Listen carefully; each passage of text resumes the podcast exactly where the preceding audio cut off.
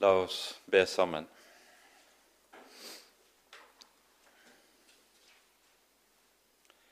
Kjære gode Herre, hellige Gud og Far. Vi takker og lover deg på ny for all din nåde imot oss. Takk, Herre, at du er en trofast far som vet å dra omsorg for dine barn i alle ting. Vi ber deg, Herre, lær oss å kjenne deg og å stole på deg som Far. Og frels oss, Herre, fra den selvhjulpenhet som klarer seg uten deg. Takk, Herre Jesus, at du kom, at du ga deg selv for vår skyld. Du bar alle våre synder på ditt legeme på korset.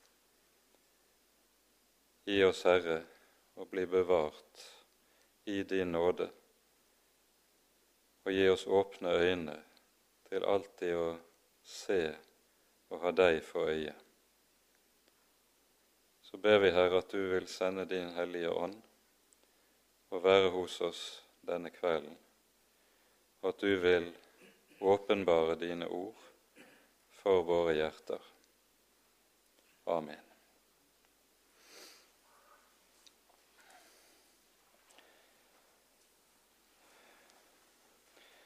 Sist gang gikk vi altså gjennom det åttende kapittelet her i 2. Korinterbrev, der Paulus begynner med å tale om innsamlingen til menigheten i Jerusalem.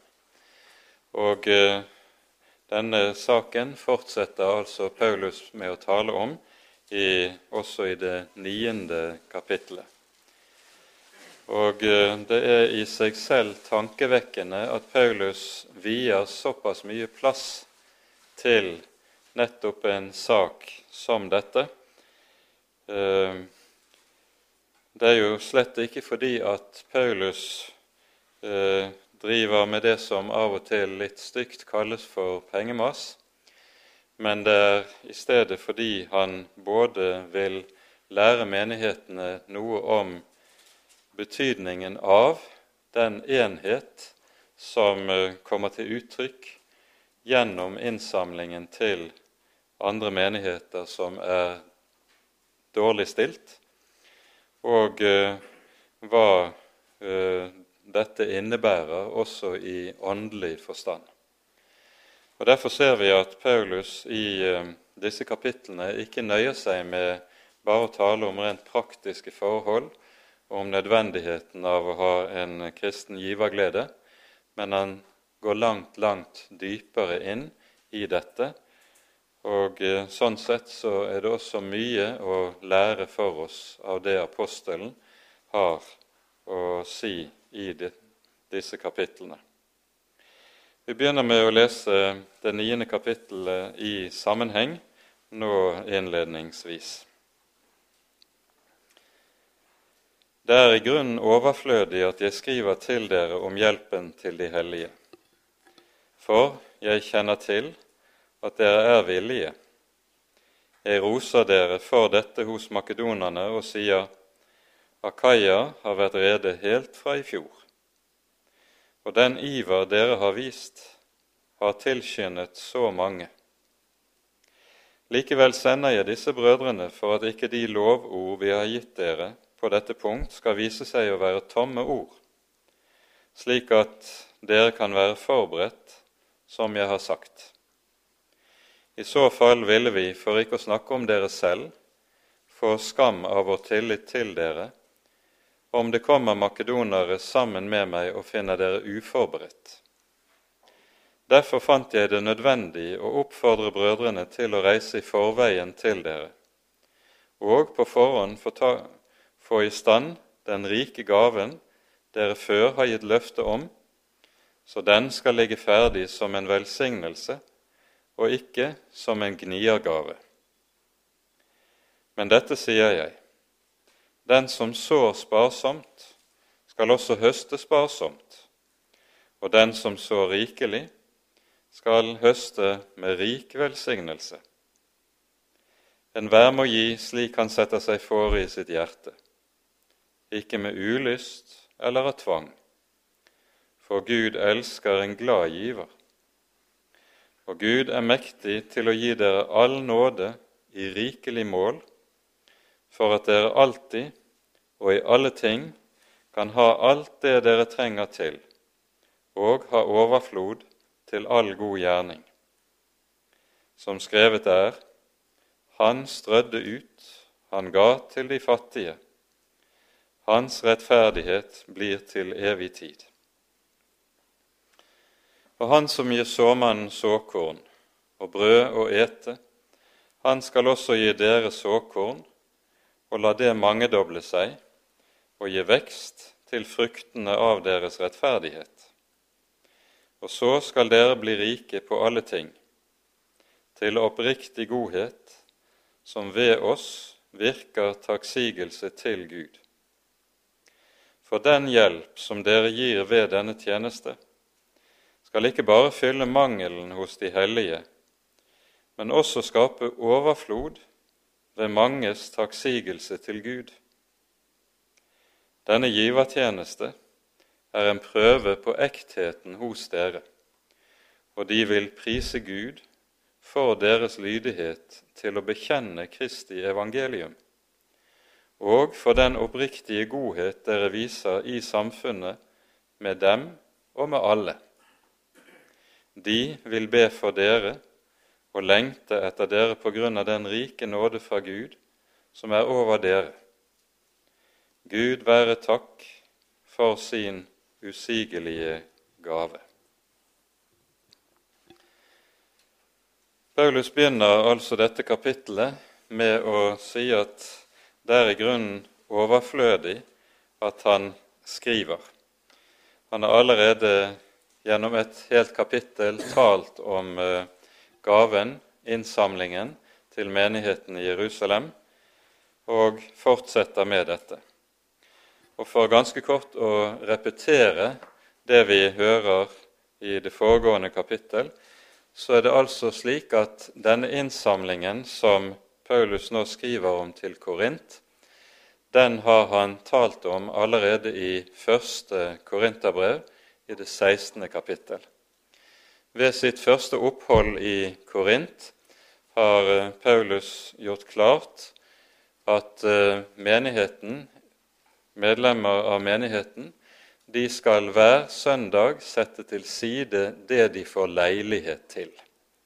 Det et uttrykk som anvendes i det åttende kapittel, slik at de så å si skal spare opp til Paulus kommer igjen annen gang, og da skal bringe med seg gaven til Jerusalem når han eh, skal reise dit. Det som jo nå er Paulus sin eh, reiseplan, det er at han etter dette oppholdet i Makedonia Han har vært i Filippi, i Tessaloniki, i Berøa, og i alle disse stedene er det dannet menigheter. Og Paulus skriver da om hvordan disse menighetene også har samlet inn til menigheten i Jerusalem. Og han skriver om den iveren som makedonierne har vist i eh, dette stykket. Det ganske rørende uttrykk som Paulus anvender i kapittel 8. Det står i vers 3 og 4.: De ga etter evne, ja, det kan jeg bevitne, over evne og av egen drift. Og ikke bare det, de ba oss inntrengende om den nåde å få være med i fellesskapet i tjenesten for de hellige. Og de ga ikke bare slik vi hadde håpet, men de ga seg selv først til Herren og så til oss ved Guds vilje. Dette er meget malende uttrykk til å beskrive eh, hvilken ånd som har rådet i menighetene når det dreiet seg om innsamlingen. Her er det altså ikke noen som nødbedt og nødtvungent gir, men de er selv slik at de ber inderlig om å få være med og gi i, tilbake til menigheten i Jerusalem. Og vi minnet også om det Paulus skriver i Romerbrevets 15. kapittel. Romerbrevet er jo skrevet fra Korint. Paulus har nå tenkt å reise fra Makedonia til Korint. Og det er ved dette det tredje oppholdet i Korint han også skriver Romerbrevet. Og I Romerbrevets 15. kapittel er det at Paulus også knytter Eh, innsamlingen til menigheten i Jerusalem teologisk sammen med den, det gode menigheten har fått fra Jerusalem. Han sier at når hedningene har fått del i menighetens i Jerusalems åndelige gode, så skylder de bare øh, å gi dem tilbake av de timelige goder når det behøves. Og slik knyttes altså gaven nøye sammen. Og denne enheten som eh, på denne måten kommer til uttrykk mellom en hedningekristen menighet og den jødekristne menigheten, modermenigheten i Jerusalem, den er gaven nettopp et meget sterkt uttrykk for, noe som eh, Paulus også eh, understreker her i det 13. verset i kapittel 9. Han taler om den oppriktige godhet dere viser i samfunnet med dem. Og Her er det, bruker det greske grunnteksten ordet koinonia, som nettopp beskriver den åndelige enhet som råder i den kristne menighet av den felles tro.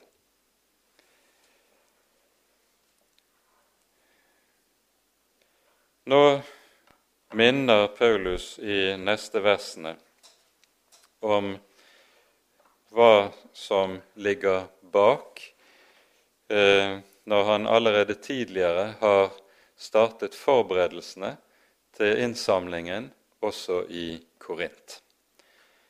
Eh, det har gått et års tid, antagelig siden Paulus var der første gang og innsamlingen ble startet. Nå minner han om eh, den iver som de allerede da, til å begynne med, hadde i forbindelse med det, og om hvorledes han selv har rost korintermenigheten i menighetene i Makedonia da han har talt om den giverglede som har rådet i Korint med tanke på dette.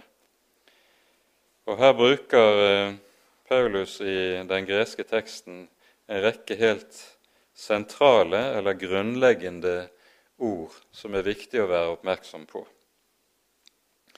Når vi for det første hører ordet 'dere er villige', så ligger det en meget viktig bibelsk anliggende i dette. Vi minnet om det sist gang da vi talte om det som i Skriften kalles for den villige ånd. Den villige ånd den hører vi om en rekke steder, i, ikke minst i Salmenes bok. Og den villige ånd, det er den ånd som skapes av evangeliet i et menneskes hjerte. Den villige ånd har det med seg at den nettopp eh, gir eh, motsatt av det som vi hører i vers 7, at en, det er enkelte som kanskje gir med ulyst eller av tvang. Den villige ånd er ikke slik. Men den villige ånd den er altså kjennetegnet ved det at den er skapt av evangeliet. Og Der nevnte vi også Jesu ord i Matteus 10,8 som et slikt nøkkelord som beskriver dette. For intet har dere fått det, for intet skal dere gi det. Det er en liten bok som eh, vi har hatt i boksalget vårt, som på en meget talende måte eh, handler om dette ordet i Matteus 10,8. Alt for ingenting. Den ligger på bokbordet vårt fortsatt, og som gir en dyptgående hjelp til å forstå hva som ligger i disse ordene fra Jesu munn. Tankegangen er altså den at det er den som har fått for intet, altså som vet av egen erfaring hva evangeliet er, som også kan gi for intet, altså uten å vente gjengjeld. Det å gi fordi man vil ha gjengjeld, altså ha egen vinning og egen fordel av noe, det er noe som er fremmed for evangeliet. For intet har dere fått det, for intet skal dere gi det.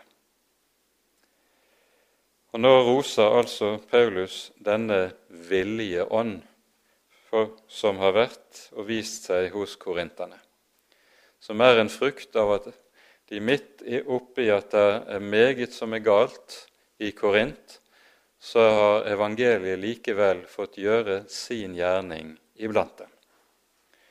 Og Denne villige ånd den eh, kommer til uttrykk med at Paulus bruker ordet iver også i, her i vers 2.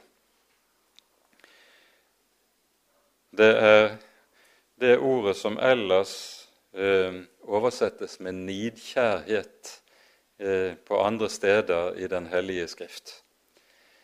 Og det er et meget sterkt ord.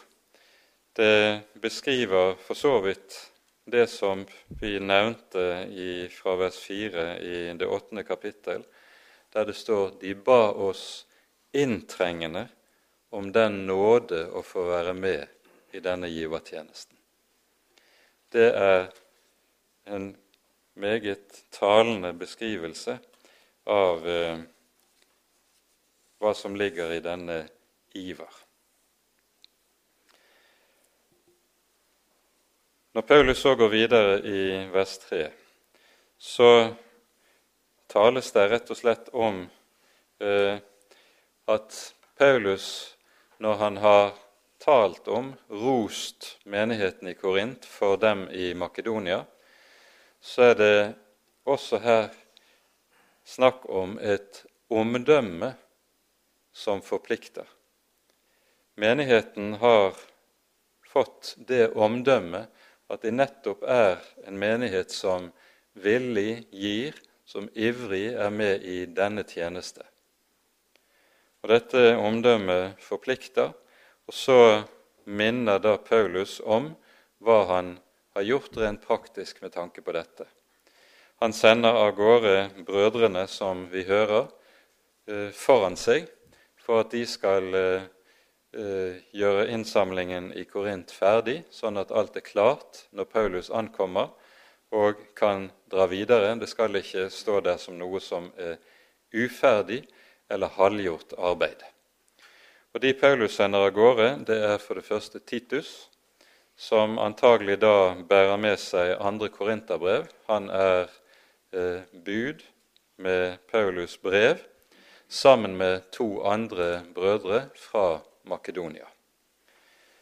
Og Disse reiser altså med som vitner som skal se til at alt går riktig for seg, og som vi var inne på forrige gang også, en Paulus er meget nøye med at eh, det ikke engang skal kunne reises en skygge av mistanke om at ting har gått riktig for seg når det gjelder økonomiske. Derfor det, reiser Paulus ikke alene med pengegaven til Jerusalem. Han har både med seg Titus, og han har med seg vitner fra menighetene som har gitt. Vi hører ikke når Paulus reiser til Jerusalem, at det kommer med noen vitner fra Korint, men det er i hvert fall to stykker av, fra menighetene i Makedonia på veien videre opp til Jerusalem når Paulus vender tilbake dit.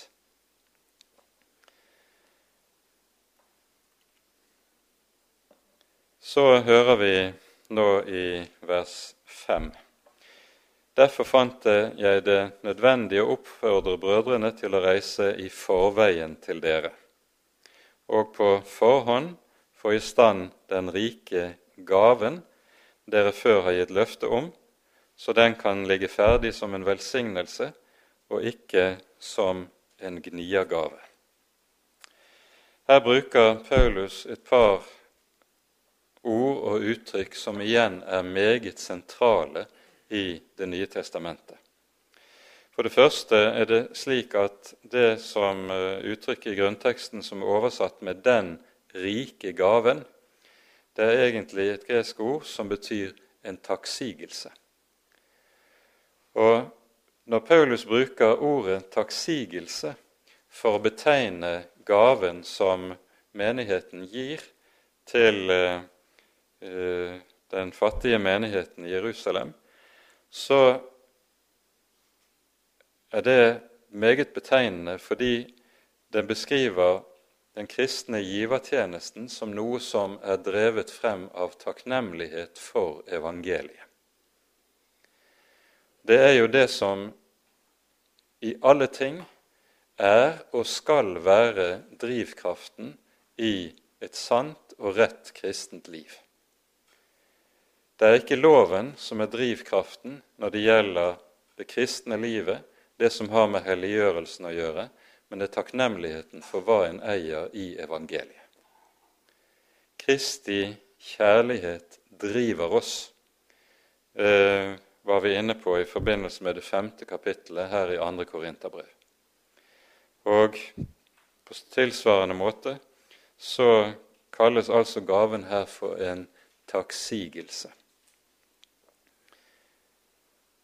Dette eh, dukker opp igjen på slutten når det står 'så den skal ligge ferdig som en velsignelse'.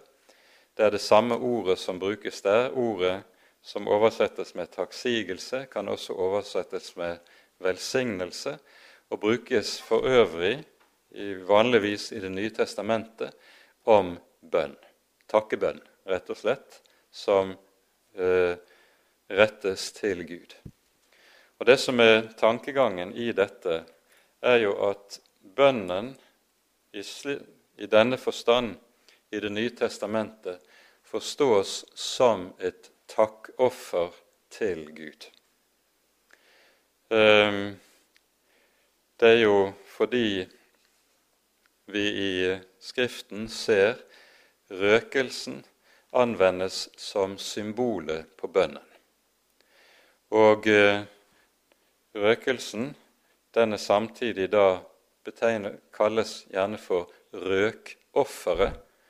Og når den røkelsen da er symbolet på bønn, så blir bønnen dermed også forstått som en del av den, de troendes offertjeneste for Herren. Dette kommer tydelig frem i Hebreabrevets 13. kapittel, der vi har et viktig avsnitt som taler om dette.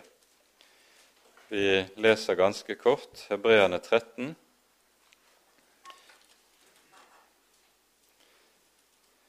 Vers 15 og 16. Der står det slik.: La oss derfor ved ham alltid bære frem lovprisningsoffer til Gud. Det er frukt av lepper som priser Hans navn. Men glem ikke å gjøre godt og dele med andre, for slike offer behager Gud. Når det her er tale om lovprisningsoffer, så er det slik at Paulus her taler om menighetens gudstjenesteliv. Og Da forstås altså sangen, bønnen og tilbedelsen som foregår felles i gudstjenesten, nettopp som dette. Det er lovprisningsoffer. Og Da minner vi i denne sammenheng bare ganske kort om at den kristne gudstjeneste består av to hovedbestanddeler. Det ene er det som skjenkes og gis oss fra Gud, det som kommer ovenfra ham og gis til oss. Det er evangeliet som forkynnes oss i Guds ord, og som vi møter i tekstlesningene, i preken. Og dernest det evangelium som skjenkes oss i sakramentene, der vi tar imot, eter og drikker Herrens legeme og blod. Dette er det som kommer ovenfra, fra Herren, og skjenkes oss. Og så kommer gjensvaret fra menigheten. Og det er det som kommer i form av menighetens bønn, tilbedelse, sang og bekjennelse. Og det kalles, Alt dette kalles altså i Hebreabrevet 13 for menighetens takkoffer. Slik skal det forstås, og slik tenkes det om den kristne gudstjenesten. Det er viktig å være oppmerksom på akkurat dette. Det er altså slik at gaven til menigheten i Jerusalem kalles for en takksigelse, eller om vi kan oversette litt fritt et takkoffer. Så den kan ligge ferdig som en velsignelse, som en takk, og ikke som en gniergave. Det uttrykket som er oversatt med gniergave, det er det ordet som ellers i Det nye testamentet alltid oversettes med ordet havesyke. Og Med dette så setter, selv om det nærmest er i forbifarten når han skriver om dette, så setter Paulus fingeren på en sak som har uhyre stor betydning når det gjelder vårt forhold til penger, og dermed også til det som vi kaller for givertjeneste. Noe av det aller farligste som Det nye testamentet nemlig holder frem for oss, det er det som kalles for havesyke. I Kolosserbrevets tredje kapittel så kalles havesyke for avgudsdyrkelse. Det er det samme som avgudsdyrkelse. Og i Bergpreken, bergprekenen i Matteusevangeliets sjette kapittel så taler Jesus om det at ingen kan tjene to herrer. Han vil enten elske den ene og hate den andre, eller tjene den ene og vende seg fra den annen. Og så fortsetter han med å si dere kan ikke tjene både Gud og mammon. Når Jesus gjør dette, og Paulus på samme måte som vi hører i Kolossabrevets tredje kapittel, sier at havesyke er ensbetydende med avgudsdyrkelse, så knytter både Paulus og Herren Jesus det som har med forholdet til penger å gjøre, sammen med det første bud. Vi har lett for å tenke som så at Forholdet til penger primært har med det syvende bud å gjøre du skal ikke stjele. Men vi ser i Det nye testamentet at her knyttes det langt dypere til forholdet som har til med det første bud å gjøre. Og Det innebærer at forholdet til penger det er alltid og forblir alltid et åndelig spørsmål. Hvordan et menneske forholder seg til pengene, det er symptomatisk for dets forhold til Gud selv. Det er to sider av samme sak. Og her møter vi noe som er et ømt punkt for noen enhver av oss i det overflodssamfunn og i den velstand vi lever i, alle sammen. Saken er jo den at det er få ting i Det nye testamentet som eh, omtales med så stort alvor som nettopp dette som har med forholdet til penger og hvordan en kristen skal tenke om den saken. I Matteusevangeliet hører vi Jesus er inne på dette gjennom nesten hele det sjette kapittelet i Bergprekenen. I eh, brevene vender Paulus stadig tilbake til det, og i første Timotius brev, i det sjette kapittel, så handler nesten hele det sjette kapittelet her også om samme sak.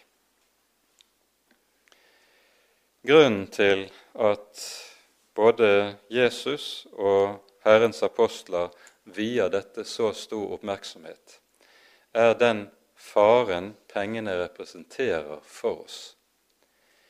De har det med seg at de så lett får oss til langt heller å stole på dem enn å stole på Han som er den levende Gud. Og Derfor så Det har jo vært sagt på den måten at pengene har det med seg at de roper til et menneskes hjerte Stol på oss, stol på oss. Og det griper tak i og knytter opp imot det som ligger ifra syndefallet hos oss selv. Det er så meget, meget lettere å stole på det som er synlig, det som vi har i våre hender, og som vi kan ta og føle på, enn den Gud som vi ikke kan se, men som har gitt oss sitt ord og sitt løfte. Av den grunn er det jo også slik at når et menneske har mye penger, da kjenner han seg trygg. Men har han ikke penger, så kjenner han seg dypt utrygg og usikker. Det beskriver meget malende nettopp denne side ved Mammon, at Mammon vil ha oss til å stole på seg. Og vantroen knytter an mot dette.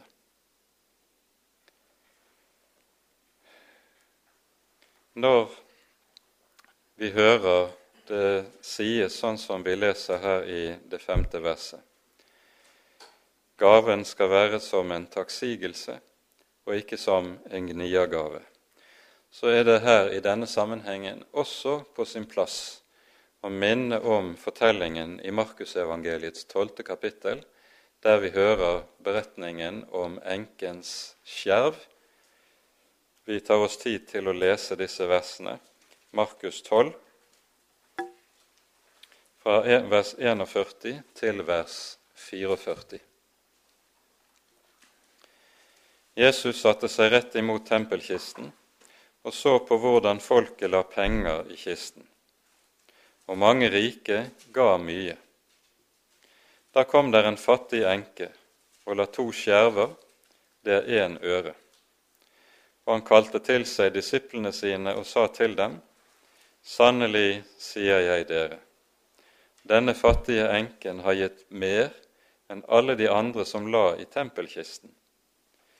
For de ga alle av sin overflod, men hun ga av sin fattigdom, alt det hun eide, alt det hun hadde å leve av.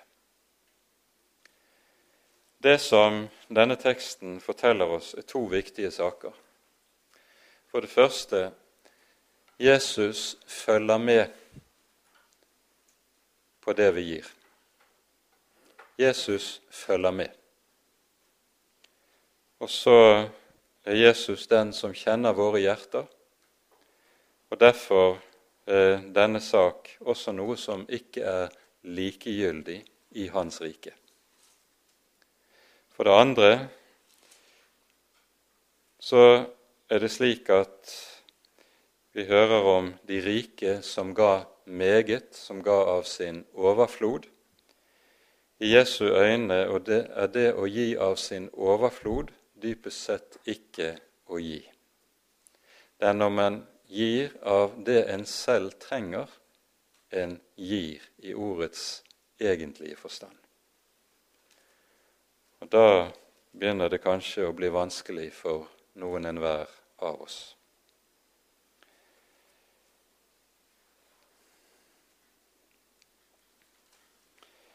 Vi leser videre i 2. Korinterbrev fra vers 6. Dette, dette sier jeg. Den som sår sparsomt, skal også høste sparsomt. Og den som sår rikelig, skal høste med rik velsignelse. Enhver må gi slik som han setter seg for i sitt hjerte, ikke med ulyst eller av tvang, for Gud elsker en glad giver. Med disse to versene så møter vi eh, noen vers som har vært meget sterkt misbrukt i de senere år innenfor såkalte herlighetsteologiske sammenhenger. I det der har vært holdt en type kollekttaler som dypest sett appellerer til et menneskes havesyke. Det er en rekke eksempler på kollekttaler som der en sier gir du Gud 100 kroner, så får du 200 tilbake.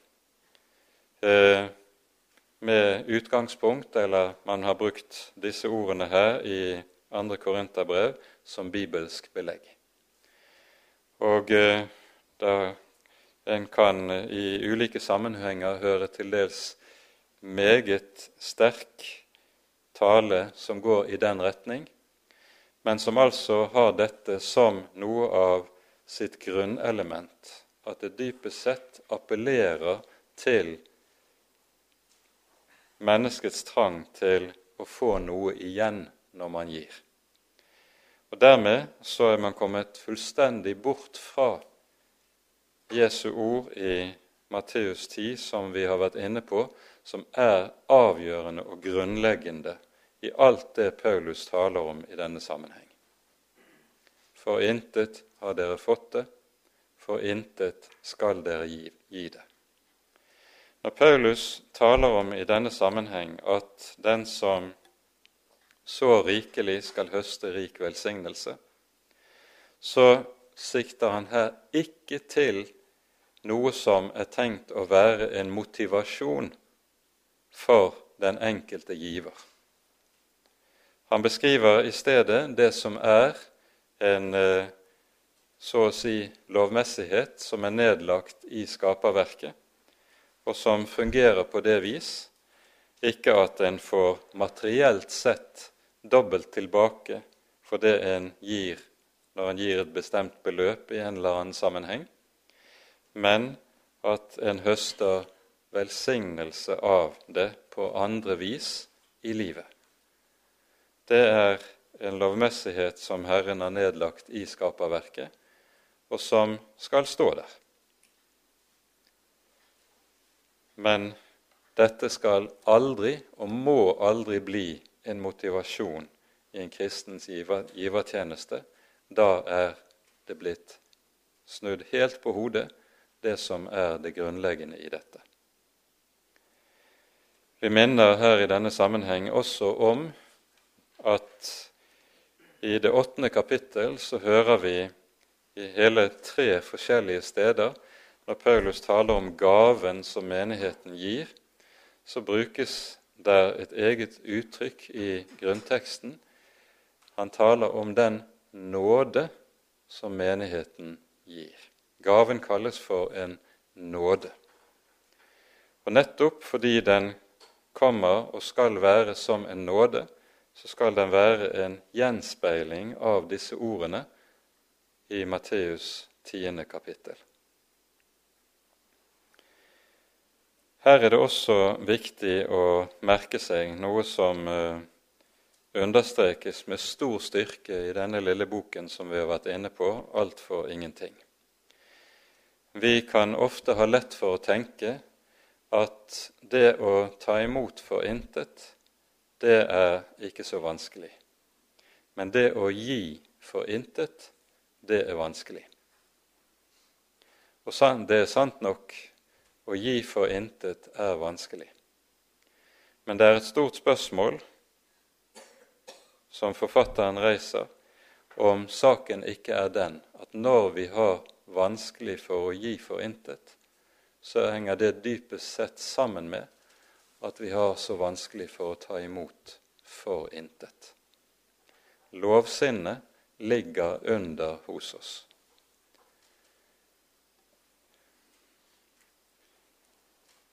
Vel, vi går videre og kommer til det åttende verset, som står der som et hovedvers i dette kapitlet.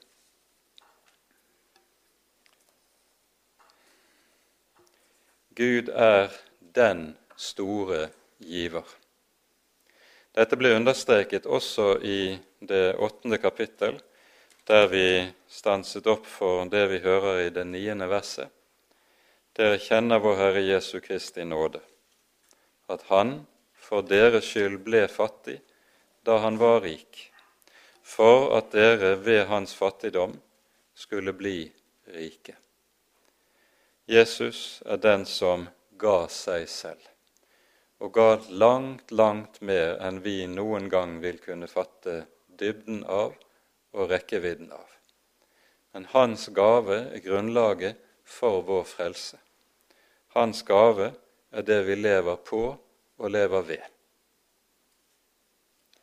Og så hører vi nå her i det åttende verset i niende kapittel om hvorledes Gud i sin faderomsorg vet å sørge for sitt folk, sine små. Vi legger merke til i første omgang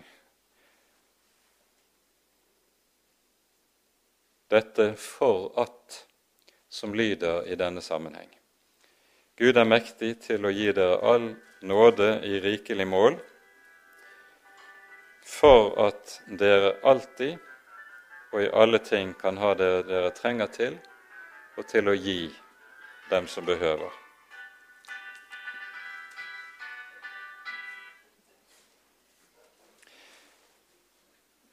Her er Paulus inne på et forhold ved det som har med de materielle ting som dukker opp i flere andre sammenhenger i vår bibel.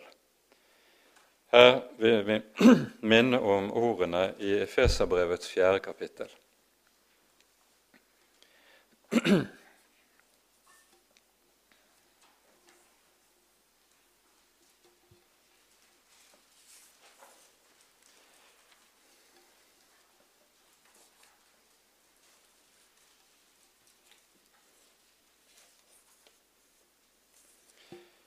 I vers 28 står det følgende.: Den som stjal, må ikke stjele lenger, men heller arbeide og gjøre noe godt med sine egne hender. Og så kommer det så han kan ha noe å gi til dem som trenger det. Altså hensikten med arbeidet og det å heve lønn er ikke å så å si det egoistiske, at jeg skal nyte mest mulig, høyest mulig velstand osv., men hensikten er at jeg skal ha noe å dele med min neste. Samme sak dukker opp også i første Timotius brev, i det sjette kapittelet, der vi leser følgende i vers 18 og 19.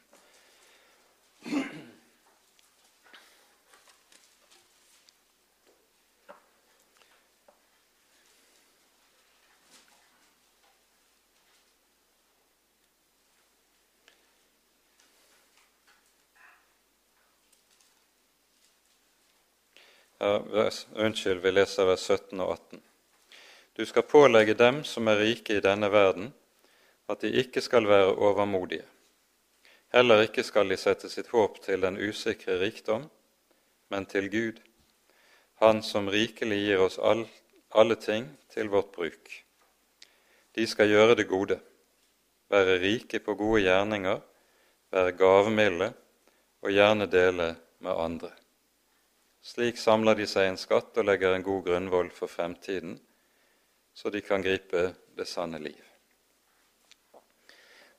Her beskrives også noe av denne hensikt. For saken er jo den i Det er at syndefallet det fører med seg at mennesket er innkrøkt i seg selv. Det er Luther som bruker dette uttrykket. Egoet blir sentrum i tilværelsen. Og det er få ting som bedre egner seg til å eh, føde egoet, så egoet kan utfolde seg og vokse ytterligere, enn nettopp mammon. Med frelsen, med nåden, så snus dette på hodet. Det er ikke lenger egoet som skal styre forholdet til pengene. Det er ikke egeninteressen som skal være det som styrer alle disse ting i livet. Men det er det som Paulus her taler om. Gud er mektig til å gi dere all nåde i rikt mål for at dere kan ha, nemlig til å gi. På ny minner Skriften oss om noe som det er ganske så vanskelig for oss å etterleve i praksis, men slik taler altså Den hellige Skrift om disse ting. Det annet vi noterer oss i det som vi hører her i vers 8, er noe som vi også leser i Hebreabrevets 13. kapittel.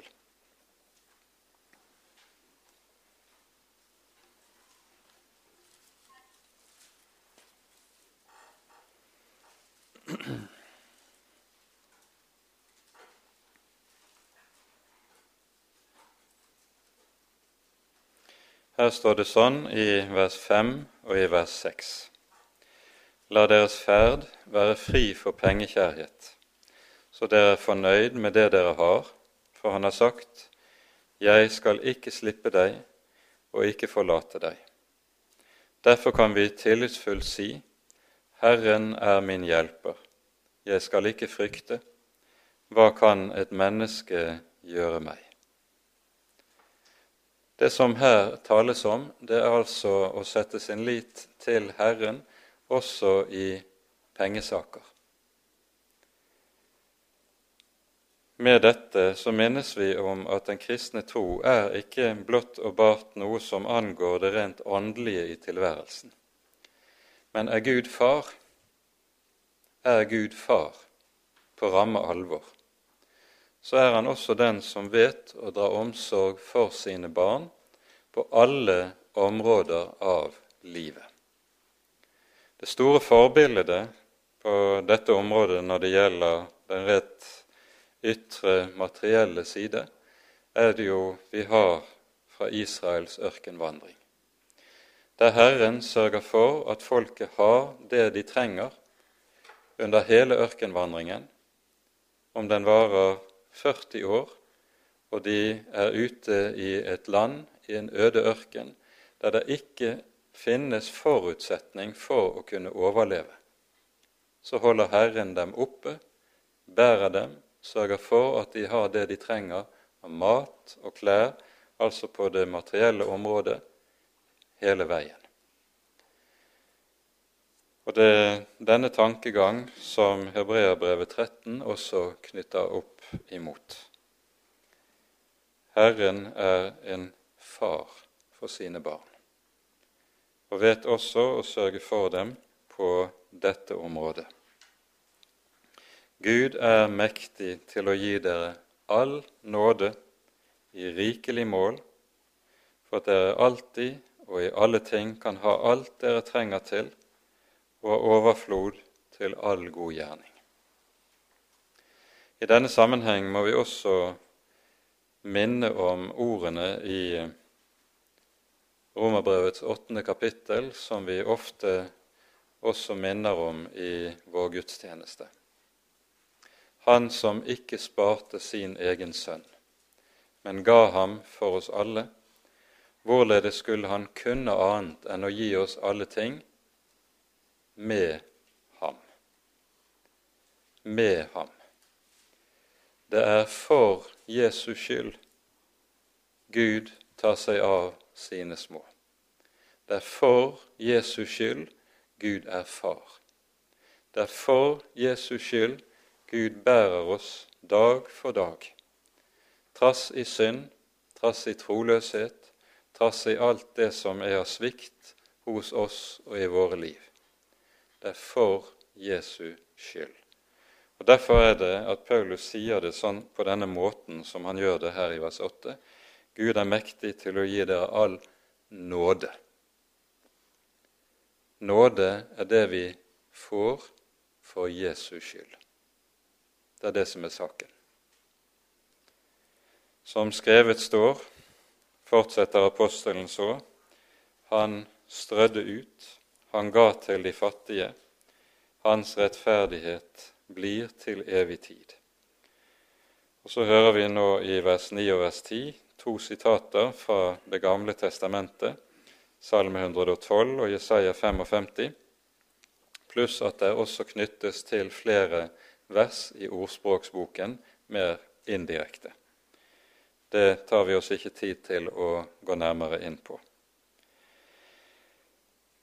Det som nå kommer ved avslutningen av kapittel 9, det er at Paulus peker på frukten av denne givertjeneste i menighetene.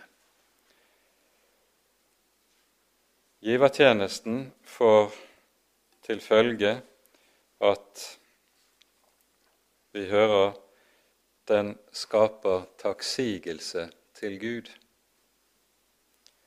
Når menigheten i Jerusalem mottar gaven, så blir dette foranledning til en takk som stiger oppad til Herren.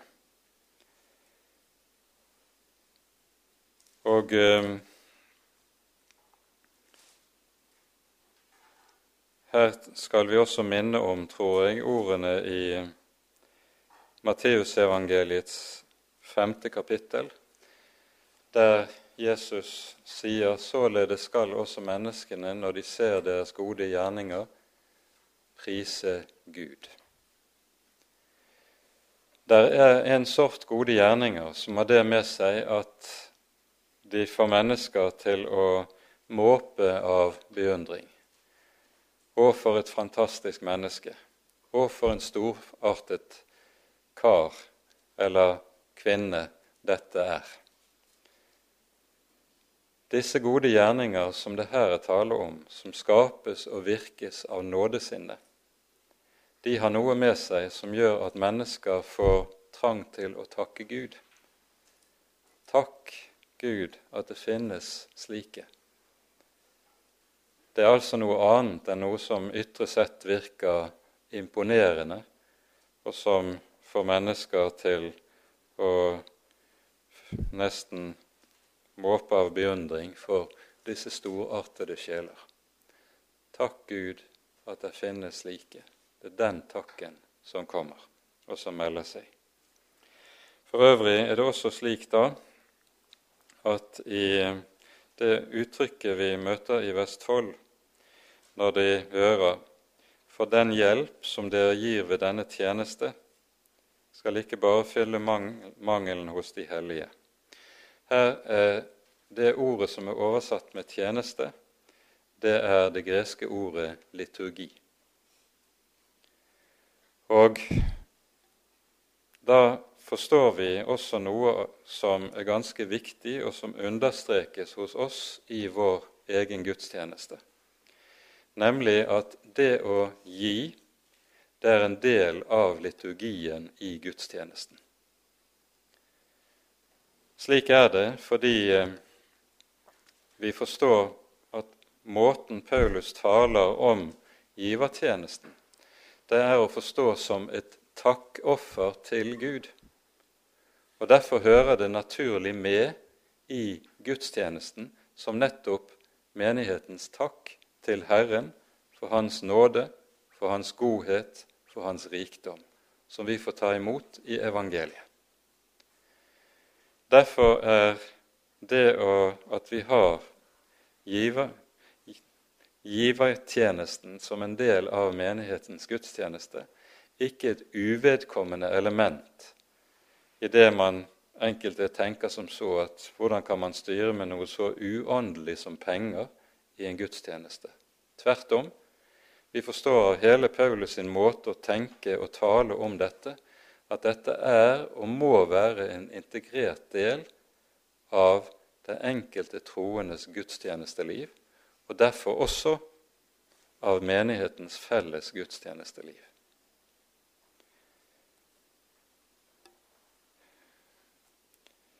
Så fortsetter Paulus med å understreke en annen viktig sak i det 13. verset.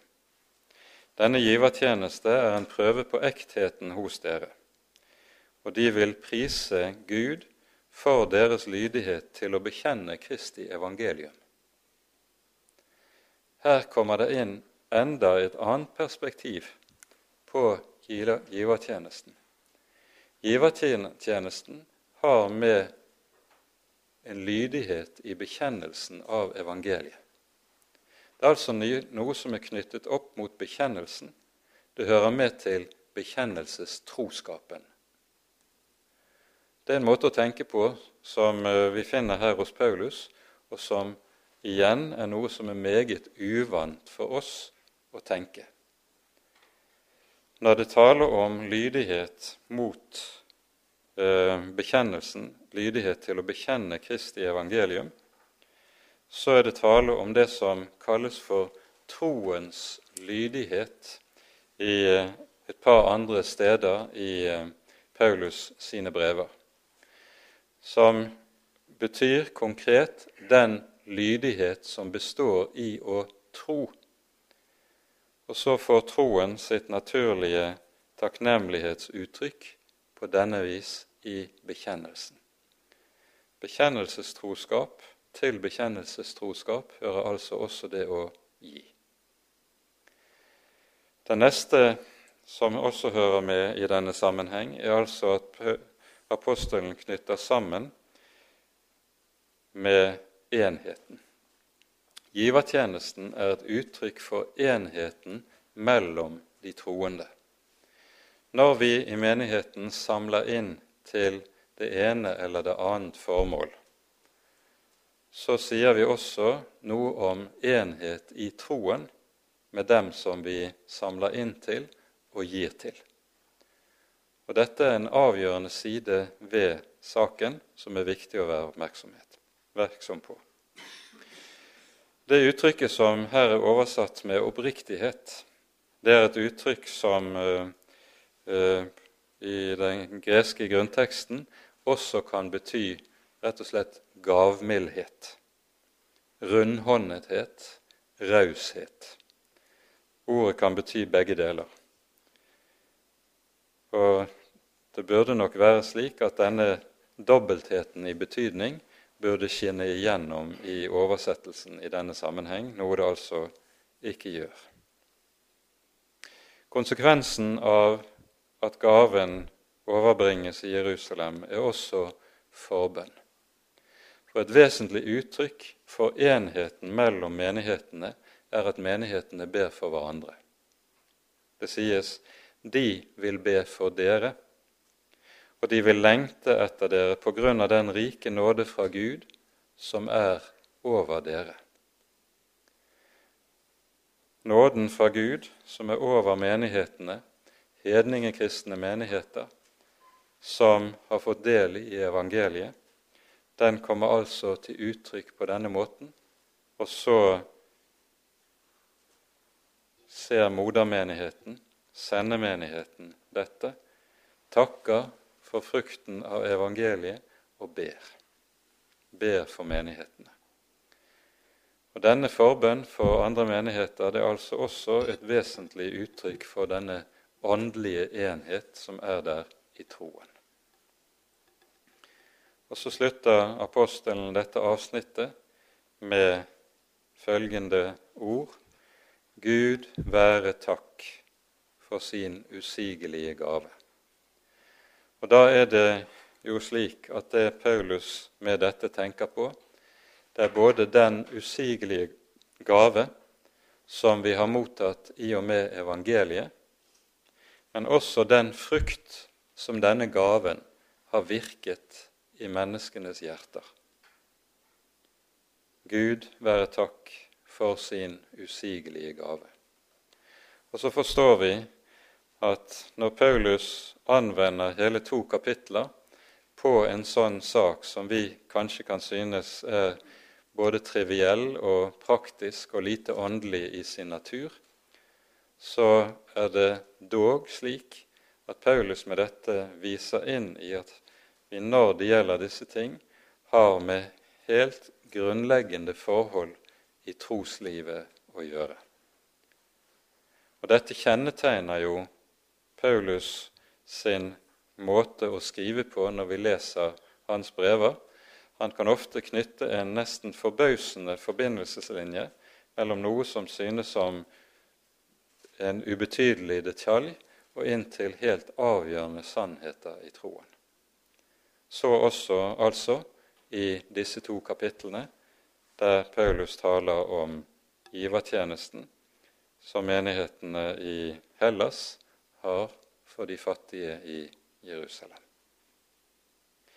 Når vi så kommer til kapittel 10, så begynner det siste hovedavsnittet i 2. Korinterbrev.